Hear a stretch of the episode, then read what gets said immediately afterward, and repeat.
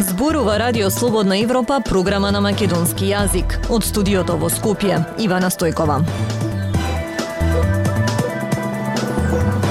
Почитувани во ова емисија ке слушате. Инфлацијата ја јаде владината помош за граѓаните. Живееме во тешки времиња. Кризите го зема данокот и врз менталното здравје. Експлозии го потресоа Киев. Зеленски обвини Русија за тероризам. Останете со нас. Наши економски проблеми. Ние разговараме за решенија на Радио Слободна Европа.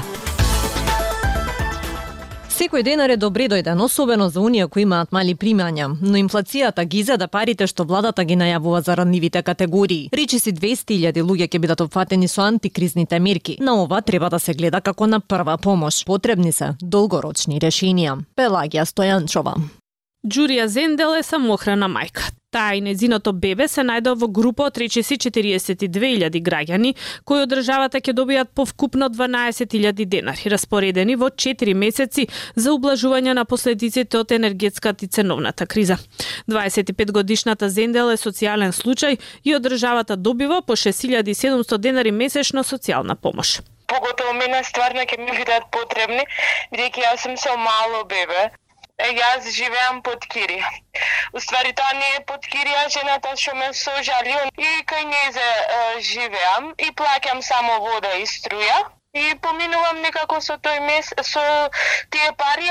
Вели самохраната мајка. Освен социјалците, по 3000 денари помош во наредните 4 месеци ќе добиваат и луѓето со попреченост, оние кои имаат дете со попреченост, корисници на трета нега, луѓе со потешки трајни промени на здравствената состојба, самохрани родители, корисници на минимална помош и невработени лица, односно стечајците. За ова цел владата одвои над 8 милиони евра.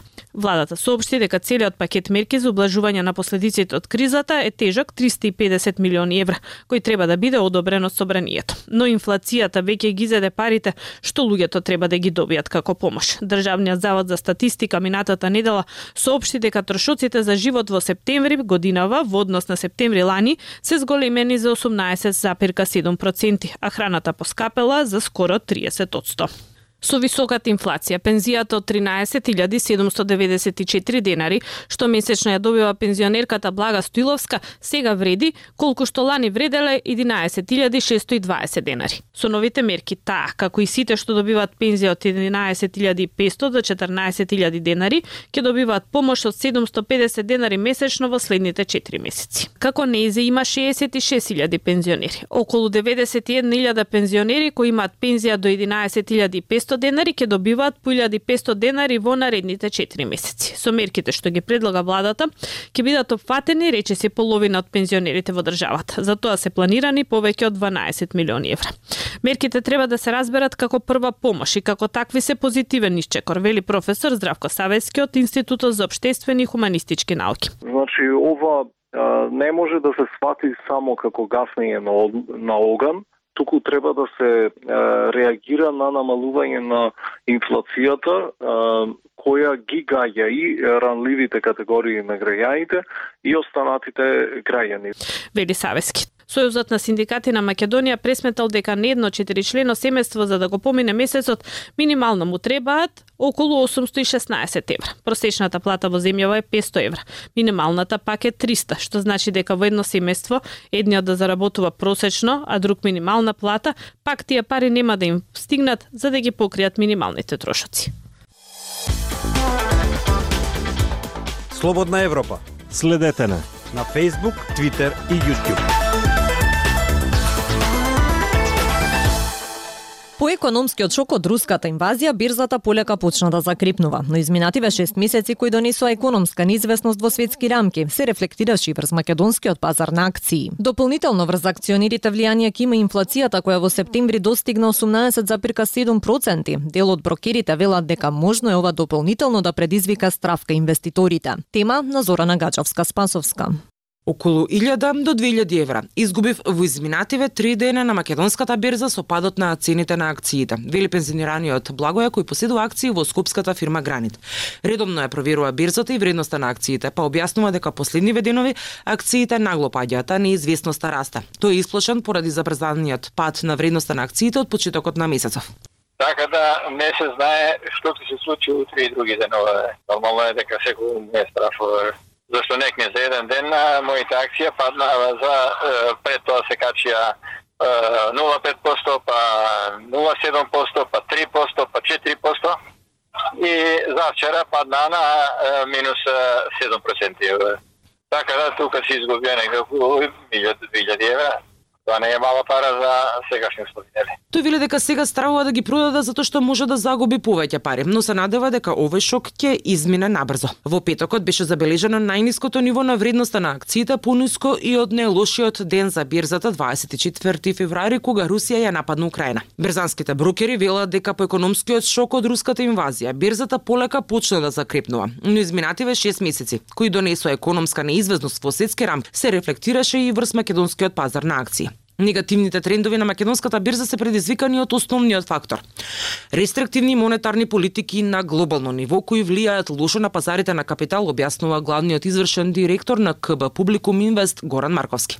И број два, она што се очекува и веќе има индикации првенствено во европскава економија, дека ќе се случи рецесија во четвртиот квартал и првиот квартал од наредната година. Се до тоа допринесе и соодветно инвеститорите да се прилагодат и да ги намалат очекувањата, а соодветно на тоа и се случи овој, да речеме, пат, односно корекција на македонскиот пазар.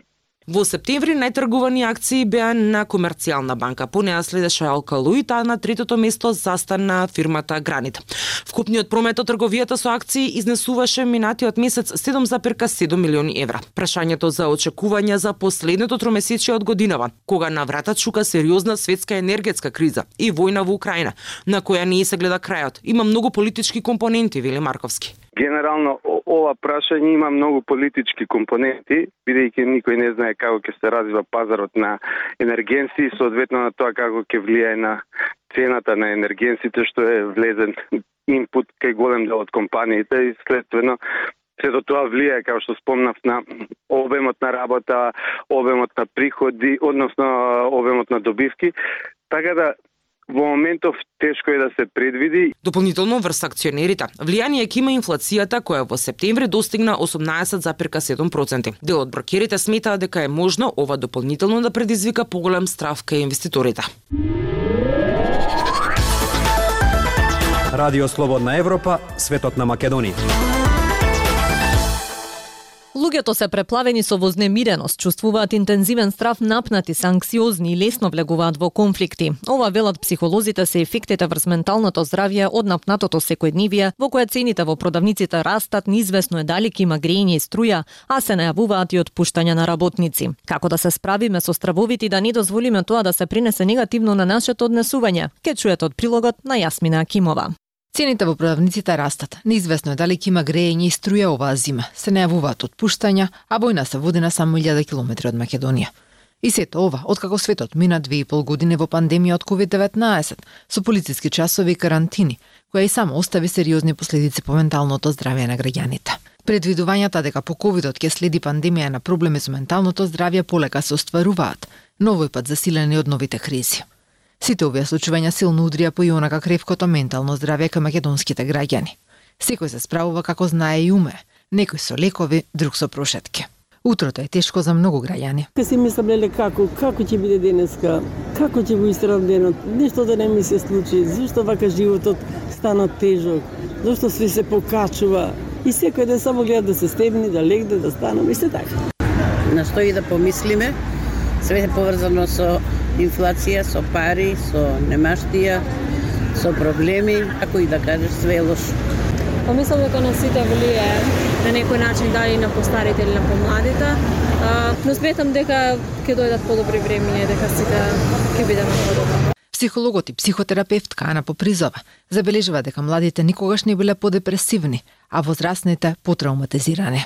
Луѓето се преплавени со вознамиреност, чувствуваат интензивен страс, нервозни, лесно влегуваат во конфликти, не се толерантни на фрустрација, токму заради тоа што нивните капацитети за справување се истрошени. И кога таман помислија дека може малку да се воспостави таа изгубена стабилност, војната во Украина ги генерира одново стравовите. Директорот на клиниката за психијатрија Стојан Байрактаров потврдува дека продолжува трендот на зголемен број посети на неговата клиника. Преку системот Мој термин, термин за психијатрија во повеќето градови, вклучително и во Скопје, може да се најде уште истиот ден. И разговор со психолог на државно може да се закаже релативно брзо, освен во Куманово, каде мора да се чека најмалку 15 дена.